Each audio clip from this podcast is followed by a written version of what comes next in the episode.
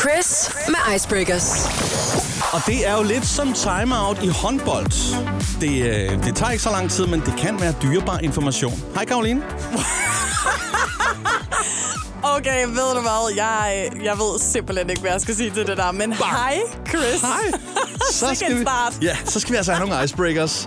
Og der kan man jo kun som lytter sidde og tænke, nej, giv mig noget mere. Nu, nu Ja. har jeg simpelthen ører, der er rettet helt ud. Det må, man- jeg synes bare, du skal blive ved, fordi det Yes. yes. der det er jo fremragende. Jeg har faktisk et rigtig, rigtig fedt øh, lille icebreaker-fact her, fordi øh, Australien er bredere end månen. Og så tænker du, hvad mener du med det? Jo, månen den er kun 3.400 øh, kilometer i diameter, mens Australien er fra øst til vest 4.000 kilometer. Er det ikke sindssygt? Det, det forstår jeg ikke, hvis jeg skal være helt ærlig. Det, det, ej, Ja, det gør Mener jeg du faktisk det? heller ikke. Det gør jeg faktisk heller ikke, fordi når man kigger op på månen, så tænker man en stor planet. Den er mindre end Australien. jamen jeg tænker, altså den er jo ikke stor, når man ser den på himlen, men man tænker, altså den må jo være gigantisk. Ja, man tænker jo, det den er jo måske halv størrelse af jorden, eller på større, whatever. Okay, jeg er Det for- lidt blown forst- away. Jeg forstår det ikke. Også hvorfor har jeg ikke lært om det i folkeskolen? Det tænker jeg var sådan et, et, et faktisk et icebreaker-fact, man godt gad at have med sig. Ja, præcis. Altså, det svarer jo faktisk til bare en eller anden overfrisk dansker, der har en øh, kør, kør selv ferie, hedder det, og kører en to-tre dage, så har man kørt øh, månen rundt.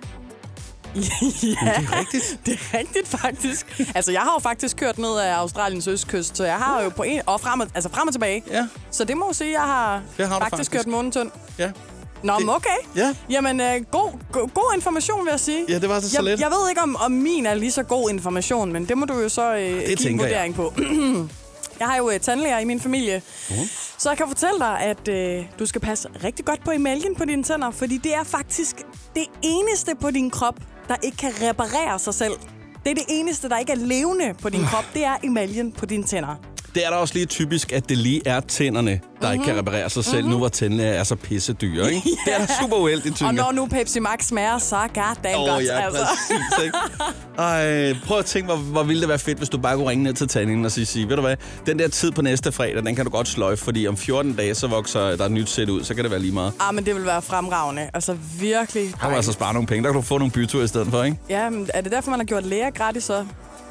I, I, prøv- jamen, det- jeg synes jo, og, og bare lige sådan, for ikke, ikke at gå ned ad den politiske sti, men jeg synes, det er mystisk, at vi i Danmark har tilskud og et sundhedsvæsen, som hjælper os på så mange områder, men lige nøjagtigt tænder, der er de skulle ligeglade, om de rådner op her, der sagt. Jamen, det er også, jeg havde en veninde, der allerede i 7. klasse sagde, at hendes læge havde erklæret, at hendes øh, emalje var så dårlig på tænderne, at øh, det faktisk var kritisk.